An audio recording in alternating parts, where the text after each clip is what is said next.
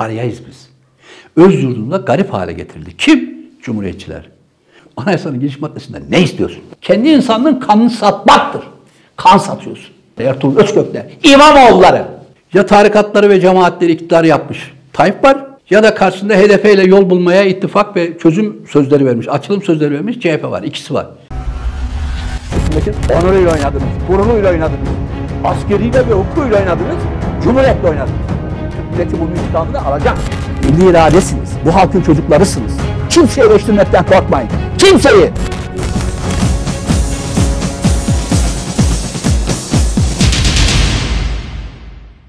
Abi hoş geldin. Hoş bulduk Serkan ama bende bir şey yok. Bu hafta neler oldu bitti? Bir, bir gir mevzuya, bir aç burayı. Abi yakıcı gündem ekonomi herhalde. Yani Türkiye yanıyor bitiyor. Bir başka bir hava esmiş durumda. Haftanın bütün gündemini kapatan olay dünün doların işte çıkışı, esnafın, işçinin, çiftçinin şu anda en yakıcı gündem bu. Ne oluyor anlayabilmiş değiliz. Yani bütün muhalefette bir rahatlama ya da o iktidar geliyor havası var. İktidar ne yapacağını ne edeceğini bilmez bir durumda. Gördüğümüz kadarıyla kadrolarına ve şeye hakim değil. Merkez Bankası Savaşı var. İnanılmaz bir durum var ya. Başka? Ne oluyor, nereye gidecekler, ne yapacaklar bilmiyoruz abi. Başka? Dün bir şehit haberimiz vardı. Onu bana çok Onun iyi anlat Serkan. Orada bir helikopterle getiriliyor.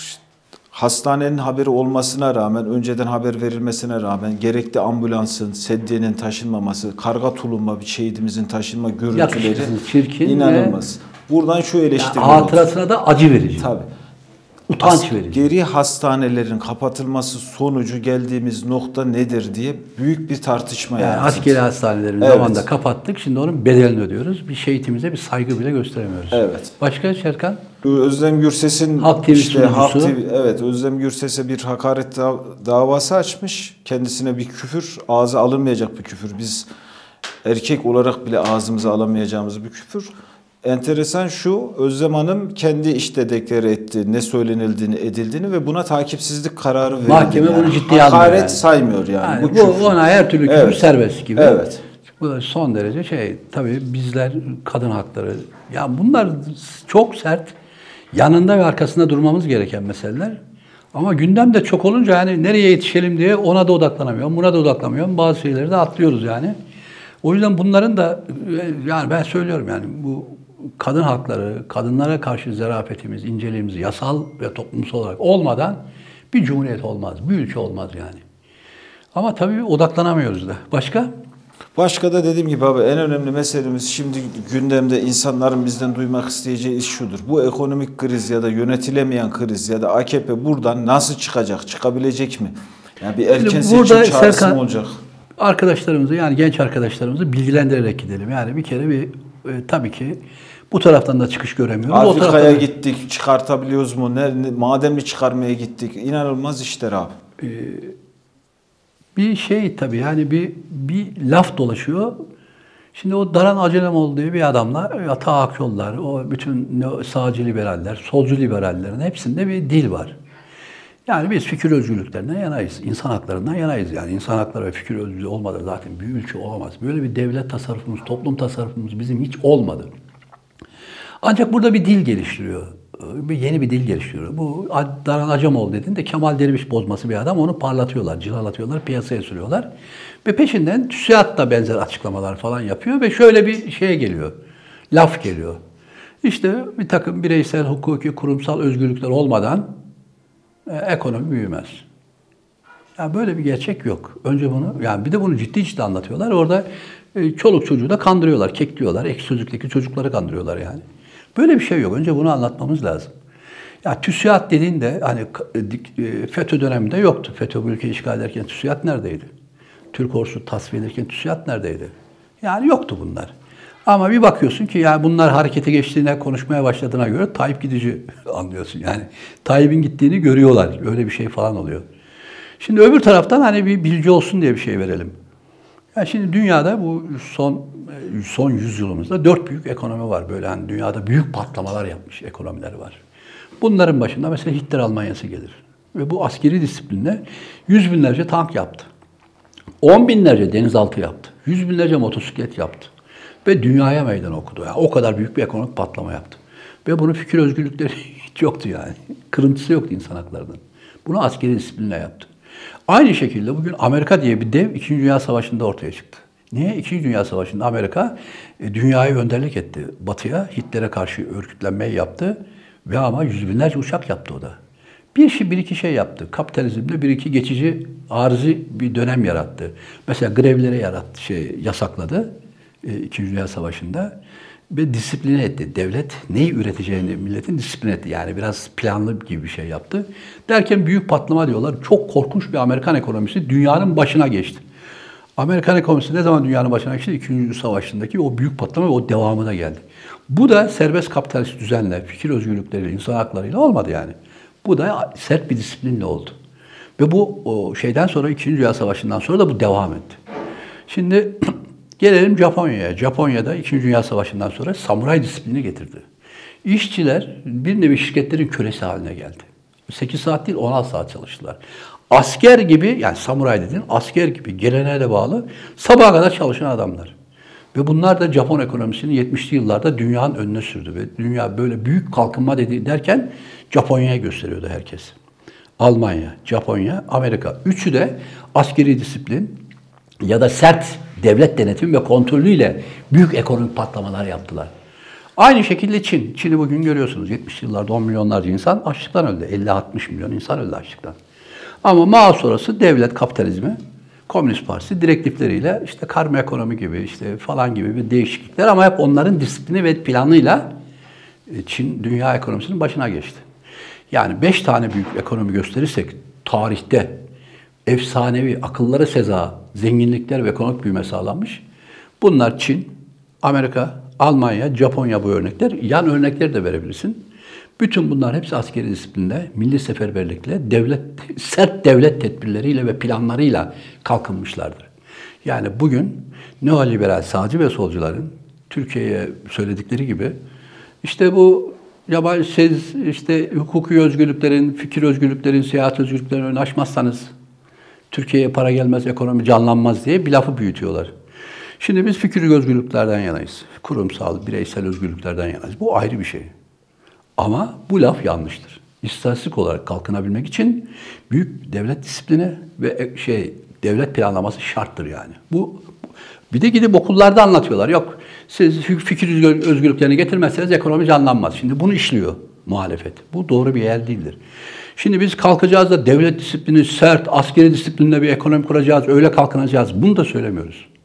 Ancak bu dört büyük kalkınmada dünya ekonomisinin yani Japonya, Çin, işte Rusya'da dahil kısmen buna. Bu dört büyük kalkınmada başka bir şey var. Milli seferberlik var, milli dayanışma var. Hatta e, insanların yetişmediği yerde askerlerin askeriyede karargah içerisinde çiftlik kurmak var. Askeriyi fabrikaların içine taşımak var. Yani insanlar açlıktan ölmemek, kendilerine yetmek, kimseye muhtaç olmamak için askeri de üretimin içine katıyor. Ha buralardan da ders almalıyız, ders almalıyız gibi. Mesela Cumhuriyet dönemi, Cumhuriyet'in ilk döneminde devlet disiplini vardır. Planlı ekonomi dönemi vardır.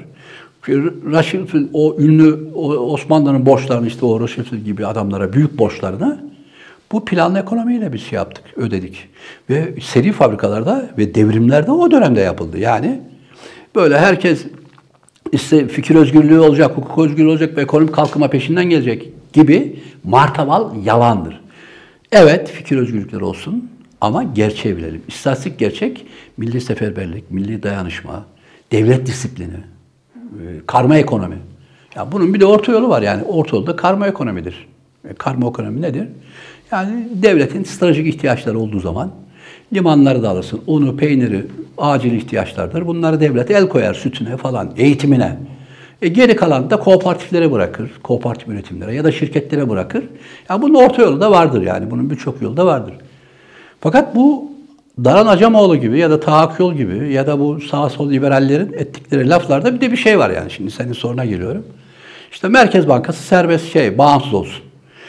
İşte kuvvetler ayrılığı bağımsız olsun. Bu çok doğru bir şey. Biz de bunu savunuyoruz. Ama burada bir şey var. Bu kuvvetler ayrımı bağımsız olsun diyenler ya da Merkez Bankası bağımsız olsun diyenler alayı yani Türk, Türkiye'nin kendisi bağımsız olsun demiyor. Yani Türk ekonomisi de bağımsız olsun demiyor. Türkiye Cumhuriyeti Devleti de bağımsız olsun demiyor. Yani Türkiye'nin egemenlik haklarını savunmuyorsun Ama Merkez Bankası bağımsız olsun diyorsun. Yani ne demeye çalışıyorsun? Şimdi bu ne demek? Şimdi biz de buradan gençlere bir soru soralım. Türkiye'deki anayasanın giriş maddeleri, Türk egemenliği maddesini değiştireceğiz diyorlar. Yani etnik siyaseti getireceğiz diyorlar. CHP'si, sağ ve sol liberalleri. Bunu diyen adamlar aynı zamanda diyor ki Merkez Bankası bağımsız olsun. Şimdi çok şık ve güzel, çok e, modern bir şey gibi görünüyor. İyi de yani Merkez Bankası'nın bağımsız olabilmesi için önce iktidarın bağımsız olması lazım. Devletin bağımsız olması lazım. Cumhuriyetin bağımsız olması lazım.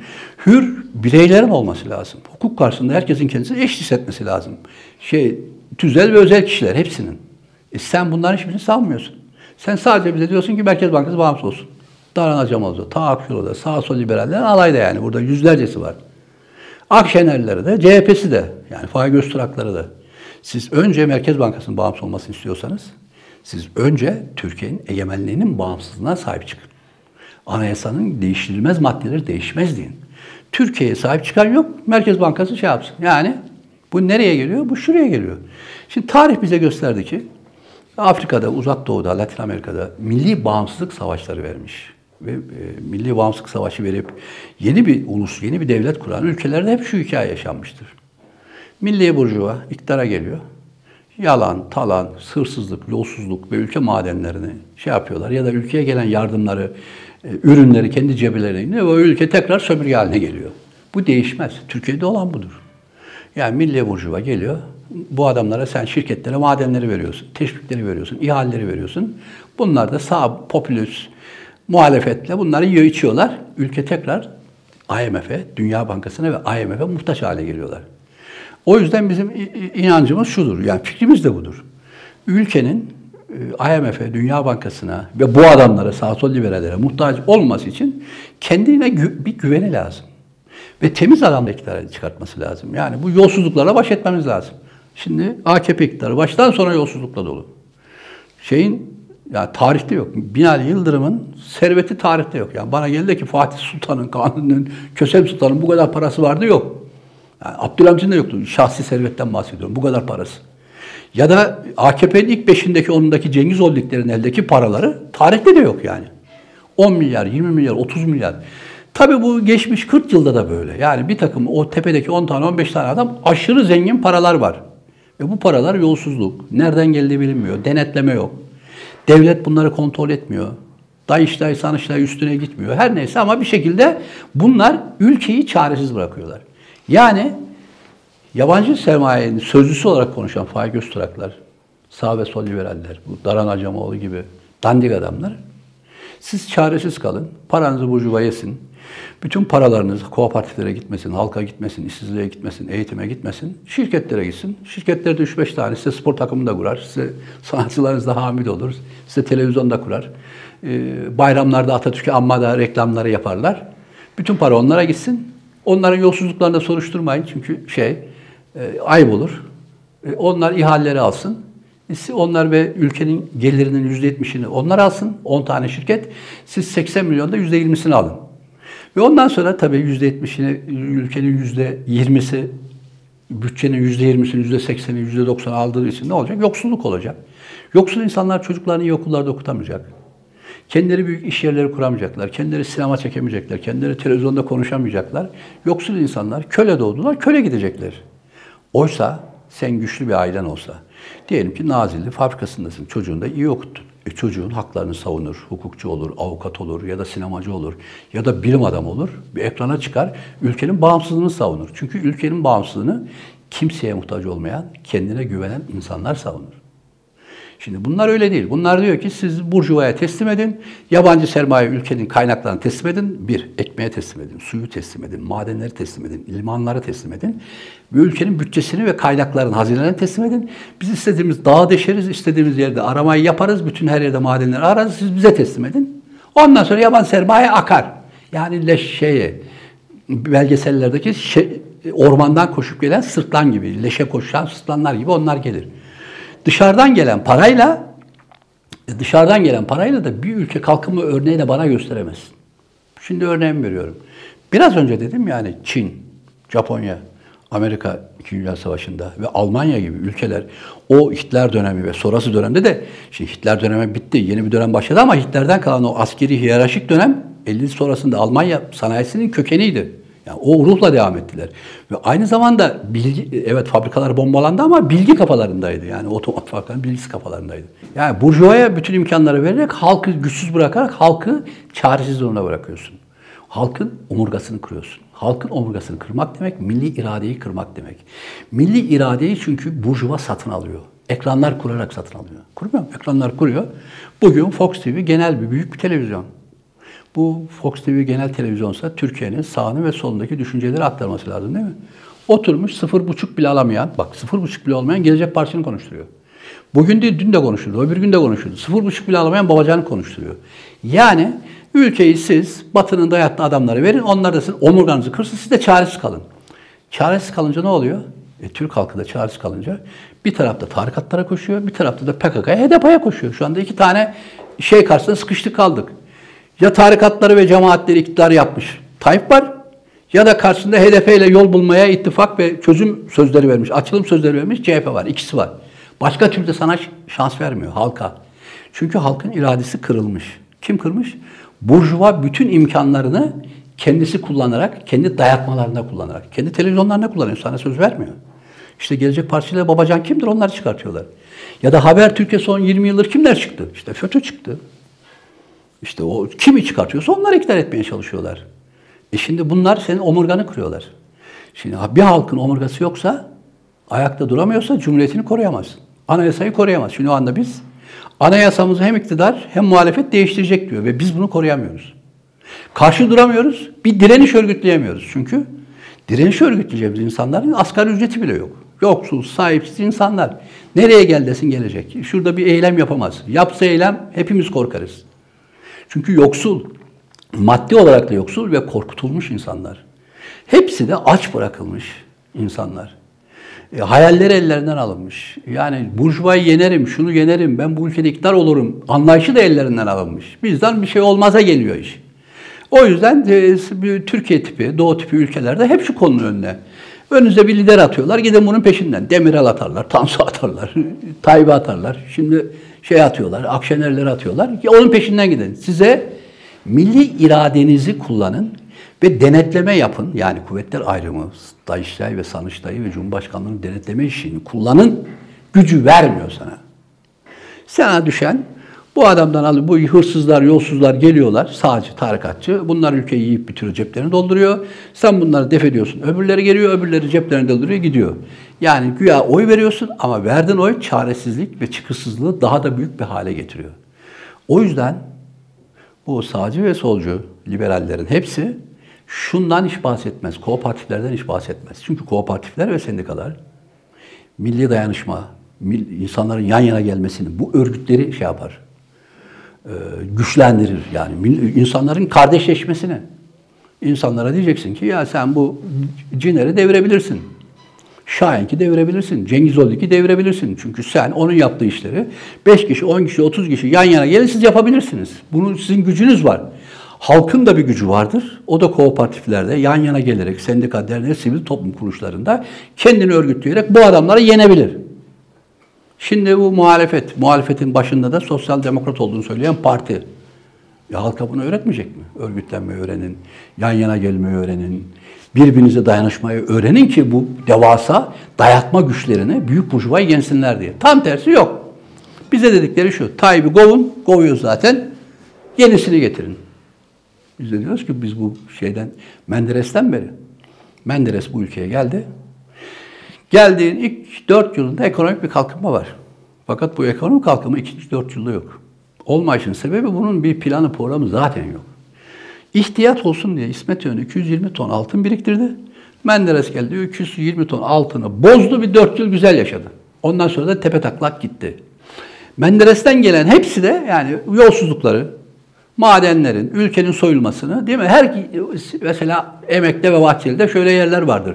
Anap zenginleri mahallesi. Şimdi Tayyip zenginlerin mahalleleri var. Çukurambar falan gibi. İşte özel dönem, özel zenginlerin mahalleleri. Yani her gelen dönem kendi kuşaklarını yediriyor, içiriyor ama halkın yüzde sekseni ve doksanı köle olmayı sürdürüyor. Biz 80 yıldır, 90 yıldır sağ muhafazakarlar bu hırsızdan aldı, bu hırsıza verdi. Bu hırsızdan aldı, bu hırsıza verdi. Ve hepsi de burjuva, Hepsi de kendi zenginliklerinin önünü açtılar. Yani halkın önünü açmadılar. Ve bu zenginliklerin önünü açarken de arkalarını batıya dayadılar. Amerika gelirken Biden şey o günkü Bush'a e, şimdi şimdi gelenler de bugünkü Biden'a bakıyorlar. Yani Avrupa'yı ve Amerika'yı arkalarına alıyorlar. Ve bize diyor ki başka çareniz yok.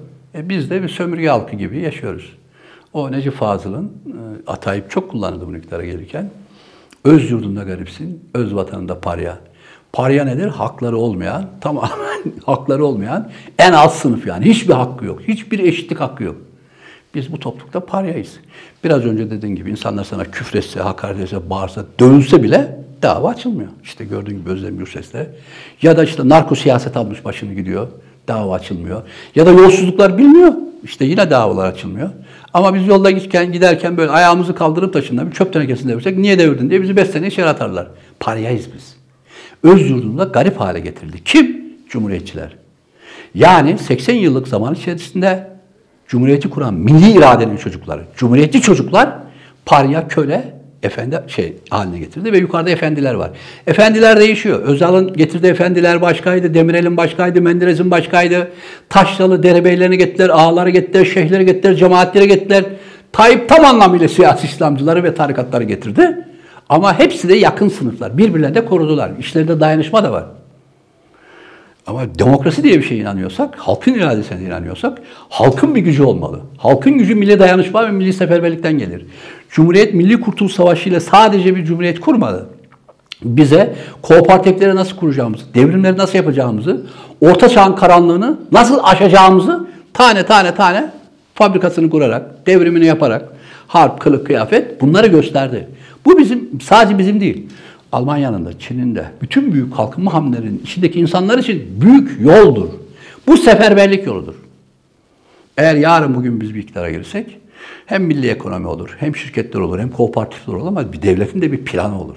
Buğdayı şurada ekeceğim, şunu şurada ekeceğim. Ama milli bir seferberlik olur. Biz üreteceğiz. Kimseye de muhtaç olmayacağız. Yabancı sermayede muhtaç değiliz. Bakın Hitler dönemi ve sonrası. Marshall planı sonradan geldi. Marshall sonradan geldi. Hitler'de böyle bir şey yoktu. Çin'in ilk kalkınmasında Çin dışarıdan teknolojik çal, hırsızlık yaptı. Japonya'da kalkınırken teknolojik hırsızlık yaptı. Ama bütün bunlarda kayda değer, yabancı sermaye yoktur bütün bu kalkınmalarda. Ülkeler kendi güçlerine inandılar. Önce taklit yaptılar Japonya gibi. Şimdi sonra Çin de taklit yaptı. Sonra orijinallerini yapmaya başladı.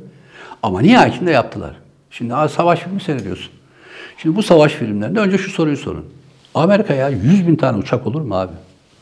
100 bin uçak olur mu ya? 140 bin uçak yaptı ya. Şimdi şeye bak, Almanya'ya bak. O Almanya 100 bin tank yaptı ya. 100 bin rakam değil mi? 2 bin, 3 bin, 5 bin, 10 bin denizaltı yaptı. Tarihin gelmiş geçmiş en donanımlı denizaltıları. Ki Almanya dünyayı denizaltılarıyla fethediyordu. Düşün.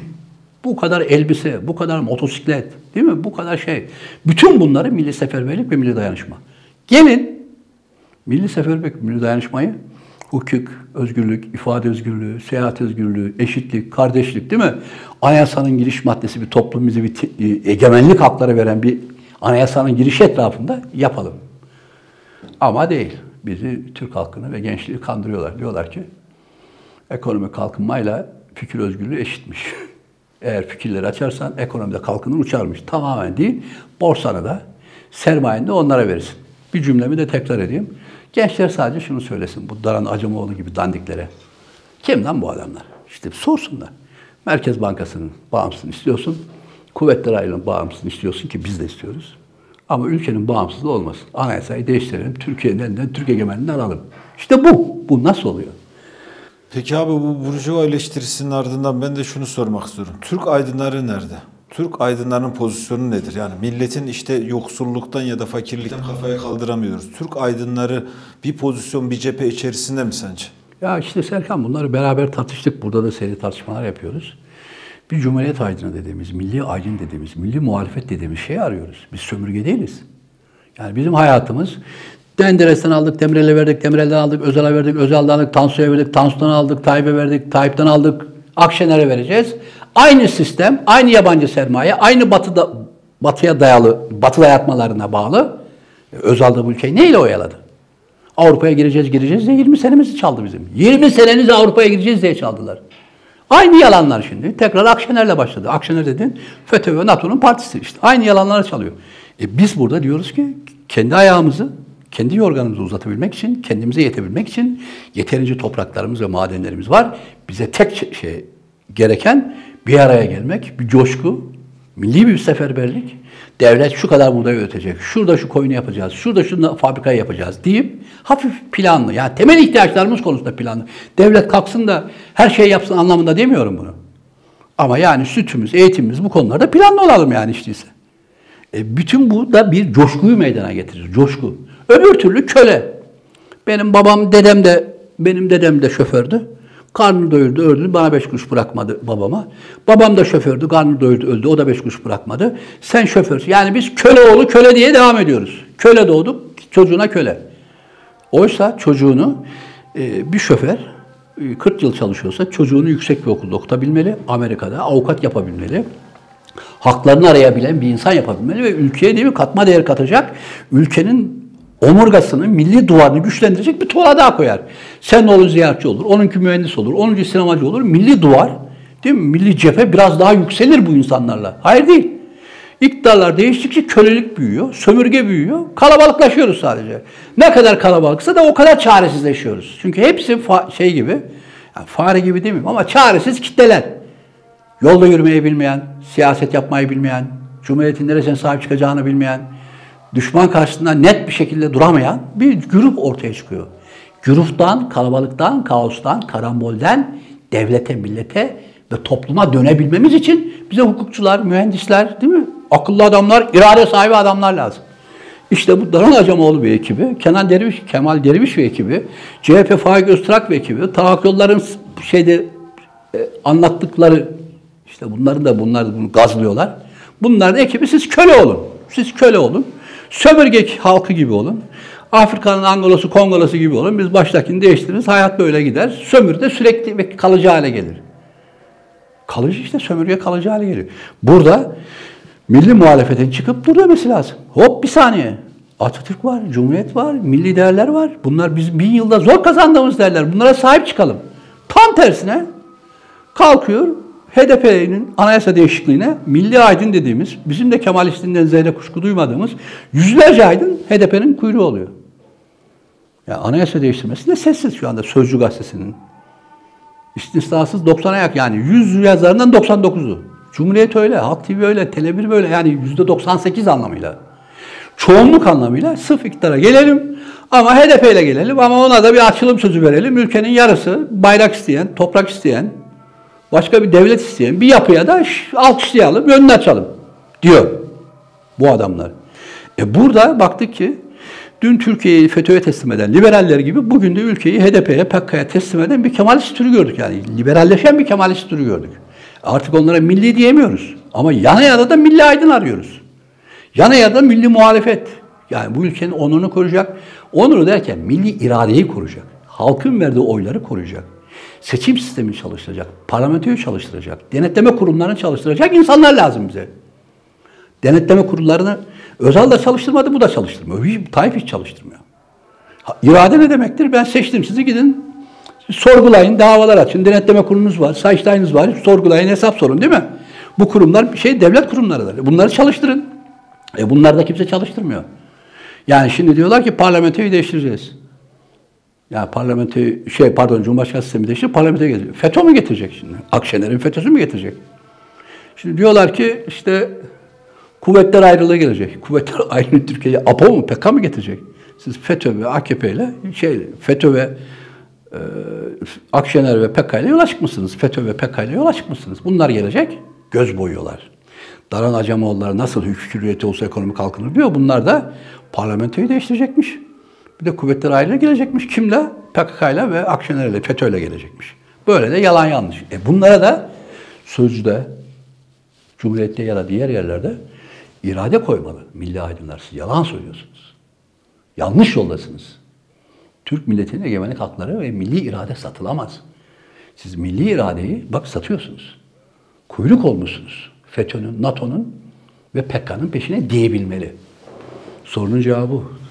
Peki abi bu Afrika gezisini nasıl değerlendiriyorsun? Afrika gezisi Türkiye açısından bir umut mu yani? Afrika'da bir maden mi var? Ne var? Ya da tarih olarak Afrika Afrika- neredeydi? Nereye gider bu saatten sonra abi? Şimdi Ankara'da şimdi yaşayanlar bilmiyorlar. Ankara'daki üç tanesi hep Somali'nin eline geçti.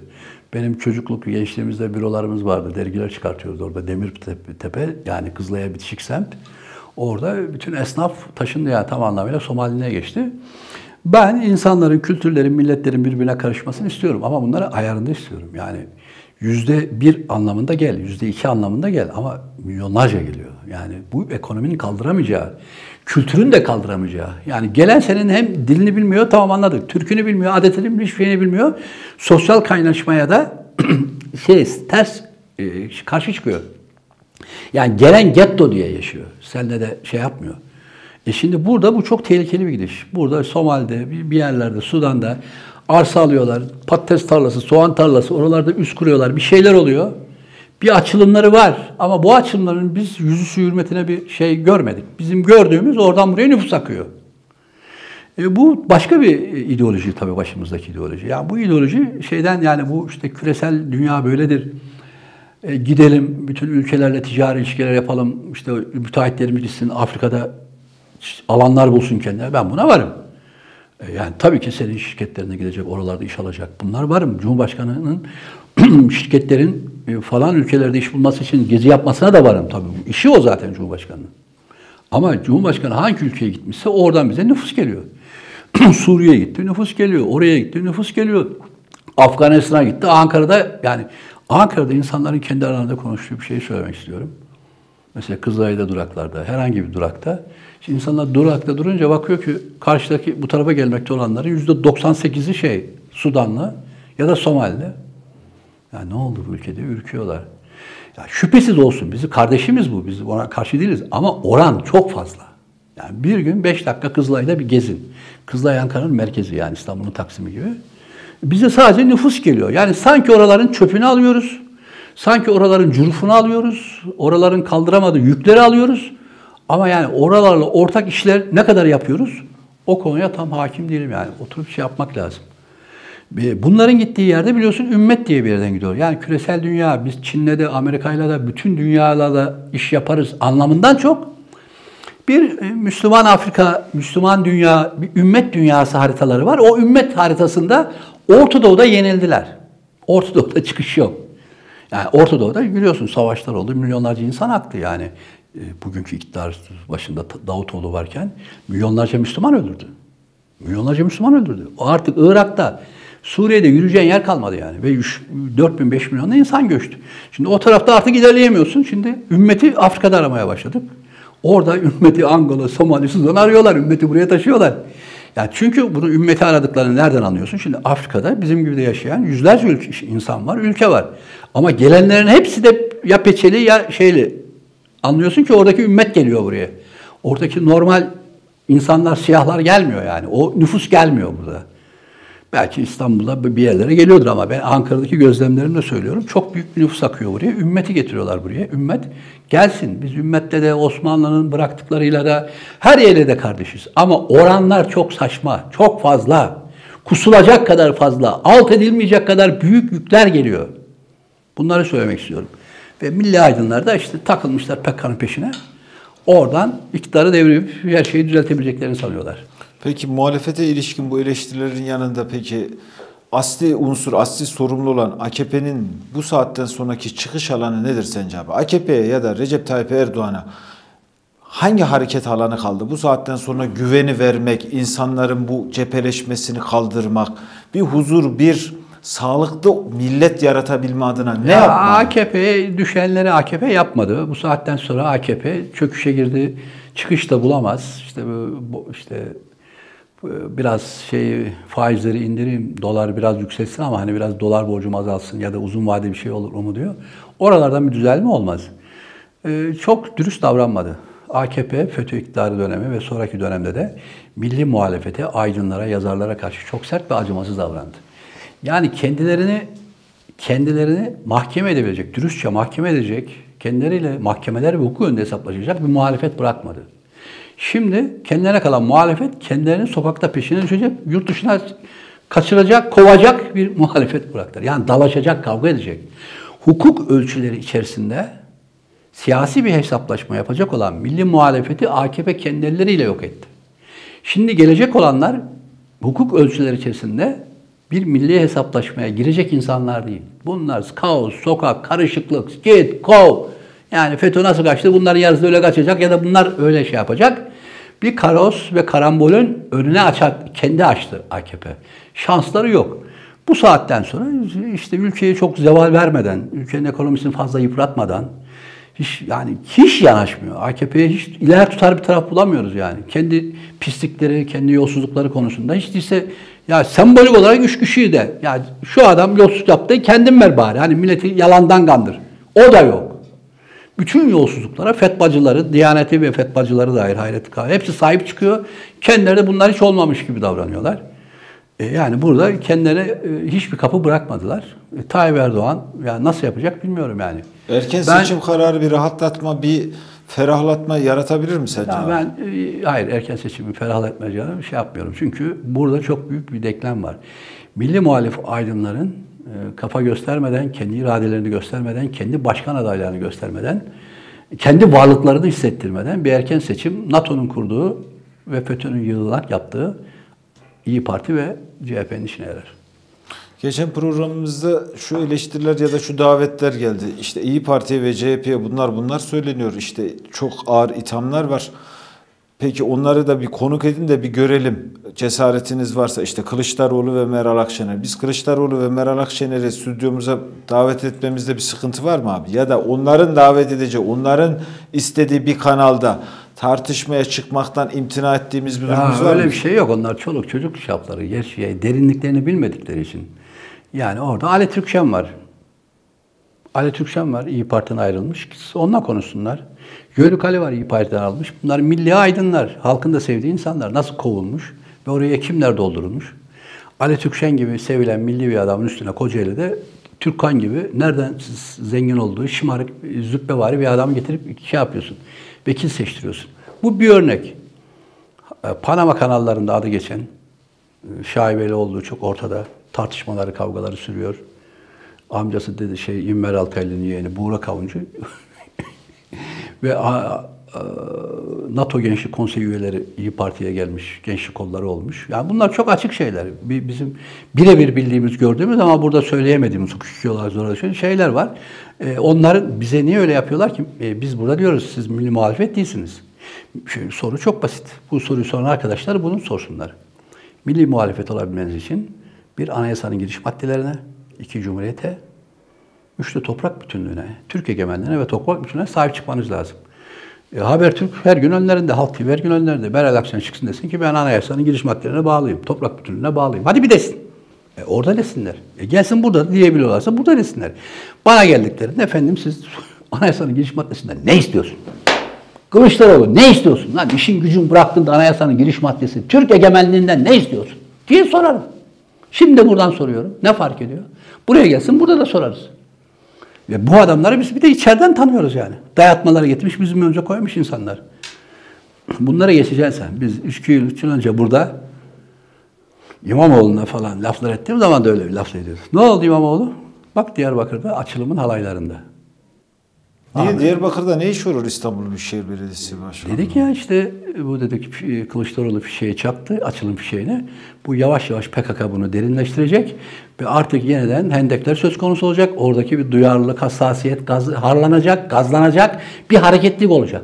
Bunu bir yıl önceden demedik, iki yıl önceden demedik mi? Bunun da başını İmamoğlu çekecek demedik mi? E şimdi İmamoğlu oraya koşa koşa gitti. Nereye gitti? Ahmet Güneştekin diye dandik bir sanatçı var, zengin abi. Kiş dediğimiz kopya, taklit işler yapan, yani gerçek sanat işleri üretmeyen. Şu dağ lokantalarında ya da falan yerlerde yolda, marketlerde olunur ya öyle peluş ayı. Onun bir üstü. Yani şu bardağın boyalı bardakları 100 tane yap, 200 tane yap, işte bunu yerleştir. E, kopya eserler, kiş diyorlar buna. K-I-S-C-H. Kiş, kiç diye okunuyor. Kiç eserlere sanatçı denmez. Bunlar dandik işler yapan insanlar.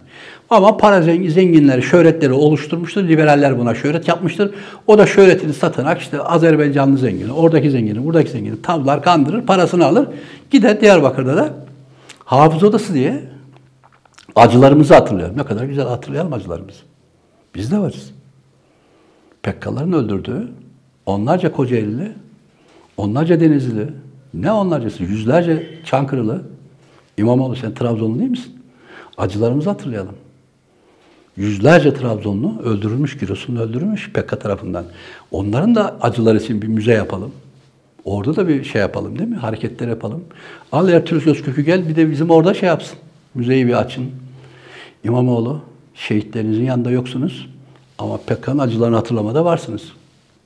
Ve orada tabutlar yapıyorlar. Ertuğrul Özkök kuru yüze takım elbiseyle.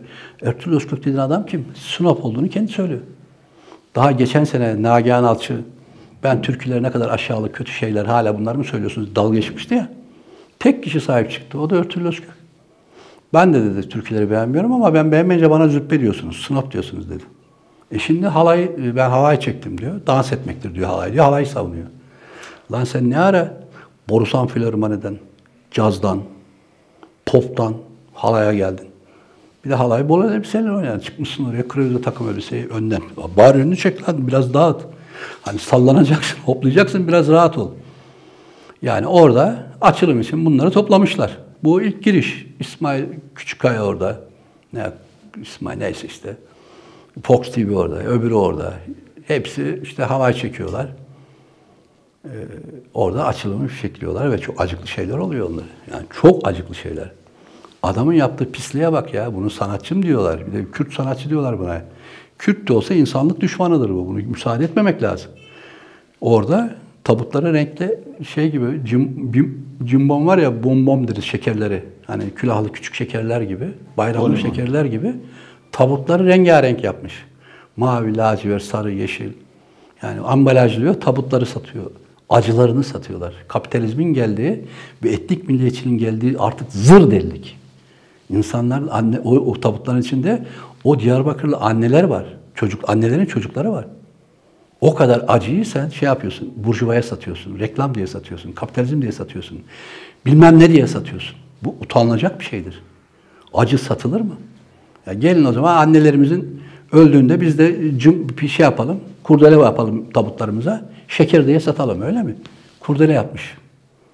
Önünde mankenler ya da manken gibi insanlar e, şey gibi poz veriyorlar tabutların önünde. Tabut önünde poz verecek bir yer midir? İnsanlığın en derin yası ve acısıdır. Ölümden öte köy mü var? Bir anne için daha büyük acı mı var? Bize düşen bütün bu acılara saygı duymaktır. O aileden değilsek hiç değilse uzakta kalır, taziyesine saygı gösteririz. Ama onu satmayız. Gitmiş kendi sanatçısı onu satıyor. Renkten, tabutları renklendirmiş. Cilatin gibi, boyalı şey gibi boyalamış.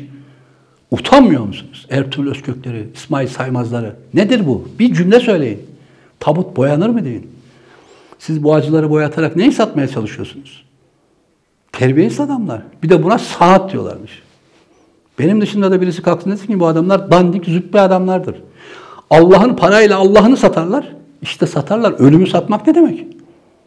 Ölümü satmak, anneni, babanı, kardeşini satmak ne demek? İşte Allah'ı satmaktır. Bunlara saygı gösterin ya. Bu toprağın Lazı da var, Kürdü de var, her şeyde var. Hepsine de saygı duyacağız. Bütün kültürler içimizde azizdir. Biz hepsi hukuk karşısında eşitiz birbirimize. Ne ben senden ne sen benden. Ama senin de kültürünü ben savunacağım. Senin de yasın var kardeşim.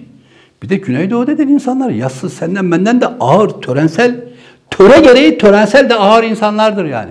Sen yasını diyelim üç gün beş gün tutarsın o on gün tutar. Ve sen öyle bir yerde gidiyorsun tabutları genç çocukları kandırılmış, öldürülmüş genç çocukların tabutlarını podyum yapıyorsun, pis yapıyorsun. Fransa'da manken getirip neredeyse şey yapacaksın, göstereceksin. Buna da sanat oluyormuş. Bunu da yapan şeyler. Ertuğrul Özkökler. Bunlar ne işi? Bu, bu ne dedik biz? İmamoğlu bu işleri başlatacak dedik. E, Ertuğrul Özköklere kredi verenler de İmamoğulları yani. İmamoğulları Trabzon'da gidip Pekkan'ın vurduğu şehitlere ilgili konuşma yapmaz ya da öyle bir açılış yapmaz. Giresun'da, Çankırı'da, Denizli'de, buralarda on binlerce her şehrin o binlerce şehidi var. Hadi gidin oralarda bir açılış yapın. Hafıza mı hatırlatıyoruz? Hatırlatın değil. Hep Diyarbakır'a gidiyorlar. Onları Diyarbakır'a gönderen bu konuşmanın başında yaptığım Daron Acemoğulları, Taak Yollar, sağ sol liberallerdir. Siz diyor Merkez Bankası bağımsız olsun diyenleyip deyip ülkeyi yabancı sermaye verenler Bu dayatmaları yapanlar oraya gönderir. Siz biz bu taraftan gidiyoruz. Siz de o taraftan Diyarbakır'da başlayın işe. Denklemi öyle kurmuşlar ya. Diyarbakır'da bu e, halaylar yapılırken açılım halayları Mekri Mekri gibi Mekri'nin ikinci şeysini. Aynı şeyi trajediyi yeniden yaşıyoruz yani. Şimdi yeni başladı. Tayyip yaptı, denedi. Şimdi bunları yapıyor. Bir kere etnik yolda açmış. Her gelen siyasetçinin de bu etnik pastadan bir şey yiyecek yani. Tabutlarla, ölülerle, geçmiş ölülerle dalga geçecek, alay edecek, pazarlayacak. Kan! İnsanların kanını yiyecekler. O kan yemektir. Kendi insanının kanını satmaktır. Kan satıyorsun. Kanlarını satıyorlar tabutları boyayarak. Ve tabutlarını reklam ediyorlar. İşte bu adamlar. Budur işte. Bu şerefsizliktir, ahlaksızlıktır. İnsanlık dışıdır bu. Tabuta saygı göster. Bak kendi çocuğunun acılar içinde, yoksulluk içinde yaşamış bir Kürt çocuğunun tabutunu cimbom şekeri gibi, bimbom şekeri gibi satıyor orada. Jelebon, ne? Neredeyse krema sürecekler, yalacaklar orada mankenlerle o tabutlara, Ertuğrul Özkökler, İmamoğulları. Haysiyetleri ve bu adamların tinetleri budur. Burada Diyarbakır'da bunlar bu açılım yaparken e tabi meşhur açılımcımız Nagihan Alçı da Van'dan girdi aynı konuya. Davutoğlu'nun yanında. O da açılım şeyleri. Niye Fox TV dünyada o kadar yazıp çizen, konuşan insan var, bu ülkenin cumhuriyetini savunan insan varken Gelecek Partisi'nin sıfır buçuk Babacan Partisi'ni gene çıkartıyor ekrana. İşte buraya hizmet ettikleri için. Ne diyorlar bize? Biz diyor burada tabutlarımızı saracağız, yeni piyasa edeceğiz, bunları satacağız. Bunları reklam edeceğiz, mankenlerimizi buralara getireceğiz. Gene Türkiye'yi 2011'de olduğu gibi hendeklerin ağzına getireceğiz. Çünkü Türkiye'den anayasanın giriş maddesinden her iki tarafta anlaştı. Türk egemenliğini paramparça edeceğiz. Etnik siyaseti koyar. Kimlik siyasetini koyuyoruz. Kimlik siyaseti koyduğunu İyi Parti zımnen ve diğer bütün partiler hepsi deklar etti mi etti. İttifak yan yana geldi mi? E bitti işte bu. Yedikleri nane bu. Ortada milli aydın yok, milli muhalefet yok, milli direniş yok, milli omurga yok. Cumhuriyeti bekleyecek, Cumhuriyet'in duvarı ve cephesi olacak insanlar yok. Artık işte hoplaya zıplaya yeni bir algı peşindeler. 2007'ye gidin, 2008'e gidin. Daha henüz ortada bir şey yokken. Ya işte Kürtler daha çekiyor, şu da vuruldu, daha da bilmem ne diye yavaş yavaş başlamışlardı. İşte sonra da bir yere geldi, kendekler oldu. Şimdi yavaş yavaş gene başladılar. Ne dedik burada bir yıl önce? İmamoğlu'yla İmamoğlu gibi sembollerle, Kaftancıoğlu gibi sembollerle, bu kullanışlı sembollerle bu hendekler yeniden harlanacak, gazlanacak, yeniden HDP'nin kaybolmakta olan, yani mesela eskisi kadar daha adam kal çıkartamıyor. Artık daha rahat adam çıkartacak bir piyasa yapacaklar. Niye? Şimdi diyecekler ki bak siz ölüyorsunuz ama topuklarınızla bak lacivert yaptık, mavi yaptık, ambalajladık diyecekler herhalde. Bu kadar ayıp bir şey olabilir mi? Hadi tamam yaptı orada. Sanatçının biri bir eş şey yaptı. İnsanlık dışı bir vahşet yaptı.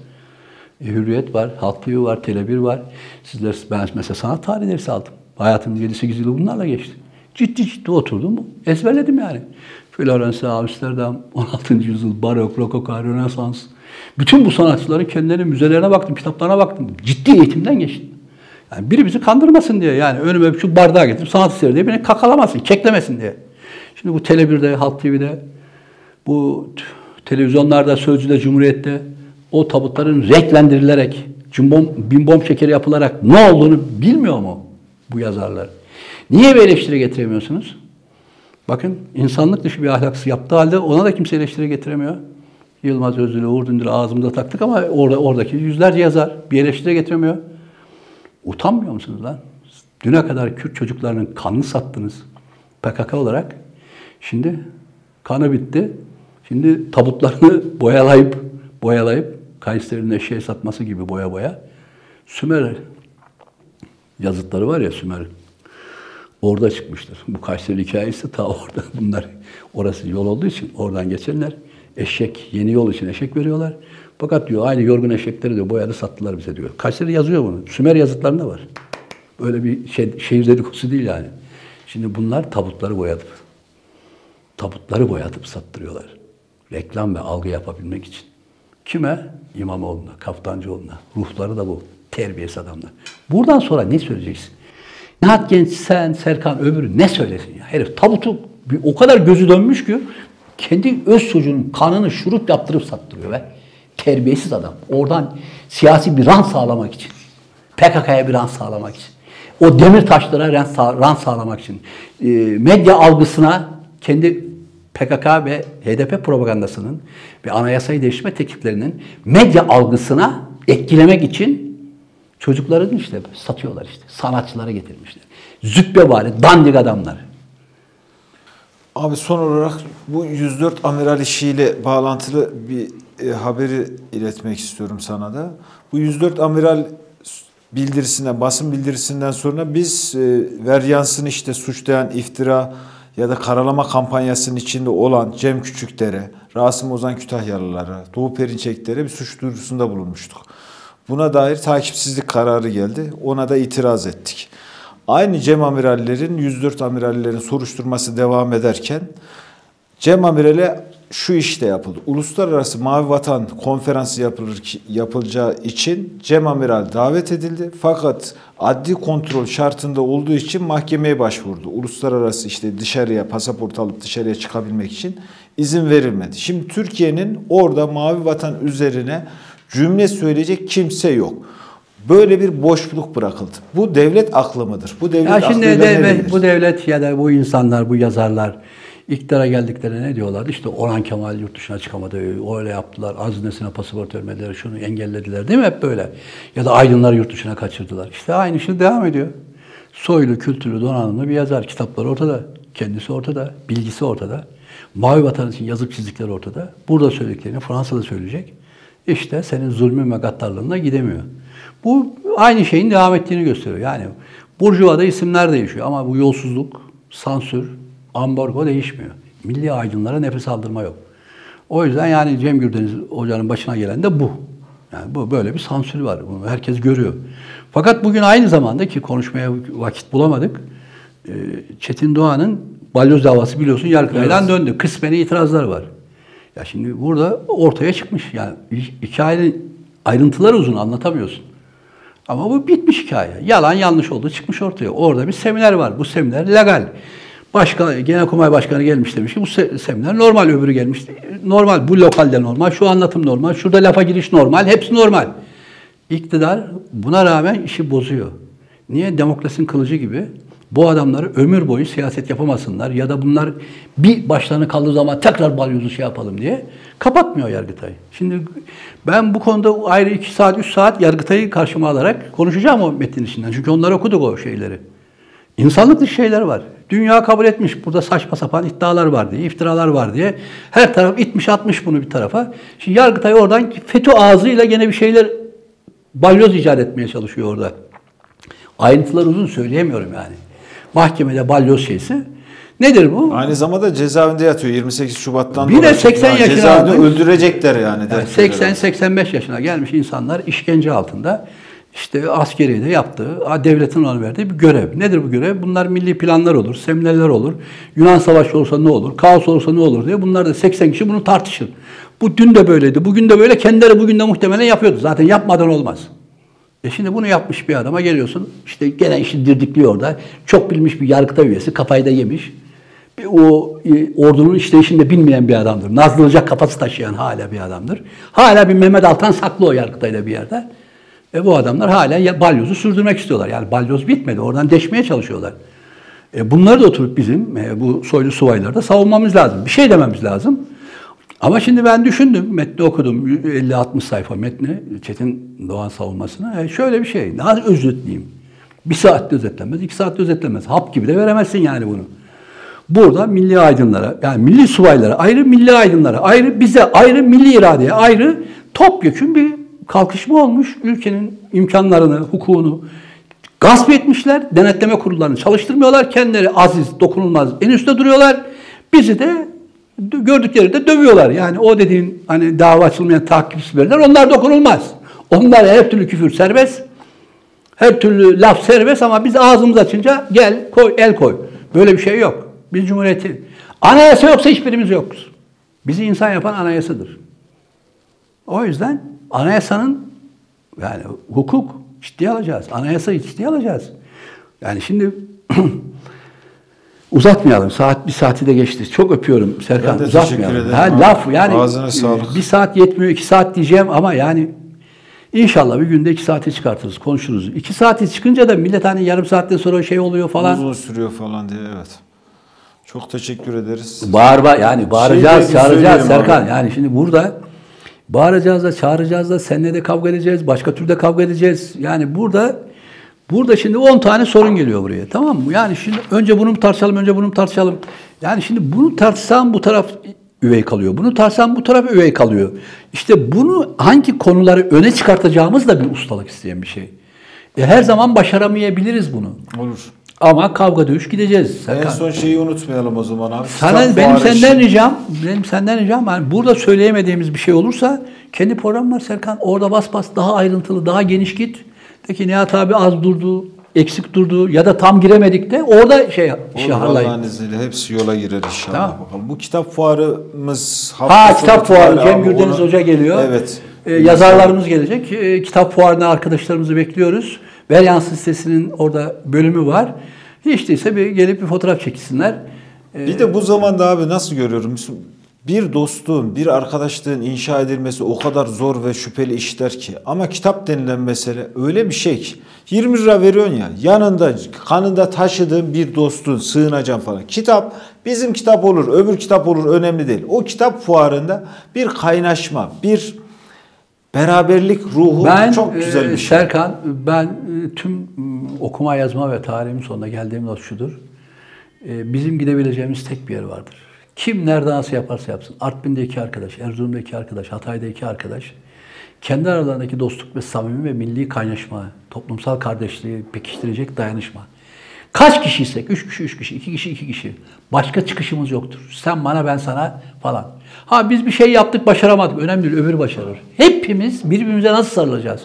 Aa kavga esastır. Boğazlarız birbirimizi, laf ederiz, bilmem ne yaparız ama ya öyle geldik. e, Amasya Vardağı gibi de böyle durmayacağız. Yani biz Tayyip'in etrafındaki tarikatın müritleri de değiliz. Haklarımızı arayacağız, irademizi koyacağız, seçimlerimizi söyleyeceğiz falan. O ayrı. Ama bana söyle en değerli şey nedir? En değerli şey milli dayanışmadır. Birbirimize sarılmaktır. İçeriden sarılmaktır. Kimi seveceğiz? Benim sevdiğim artist kimdir? Ben Cem Gürden'i seviyorum diyeceğim. Ben ya da şunu Türk diyeceğim. milleti tanımlamanı seviyorum abi. Türk milletini. İnisiyatif alabilen. Tabii irade koyar. Çok- İrade koyamıyorsan e, millet değilsin zaten. Çok teşekkür Ben ederim teşekkür abi. ediyorum Serkan bu saatte geldim. Yorgun yorgun. Çok teşekkür ediyorum. Biz Kitap fuarı bekliyoruz. İyi günler dileriz. İyi günler. Fuarda buluşuruz. Onuruyla oynadınız, gururuyla oynadınız. Askeriyle ve hukukuyla oynadınız, cumhuriyetle oynadınız. Türk milleti bunun intikamını alacak.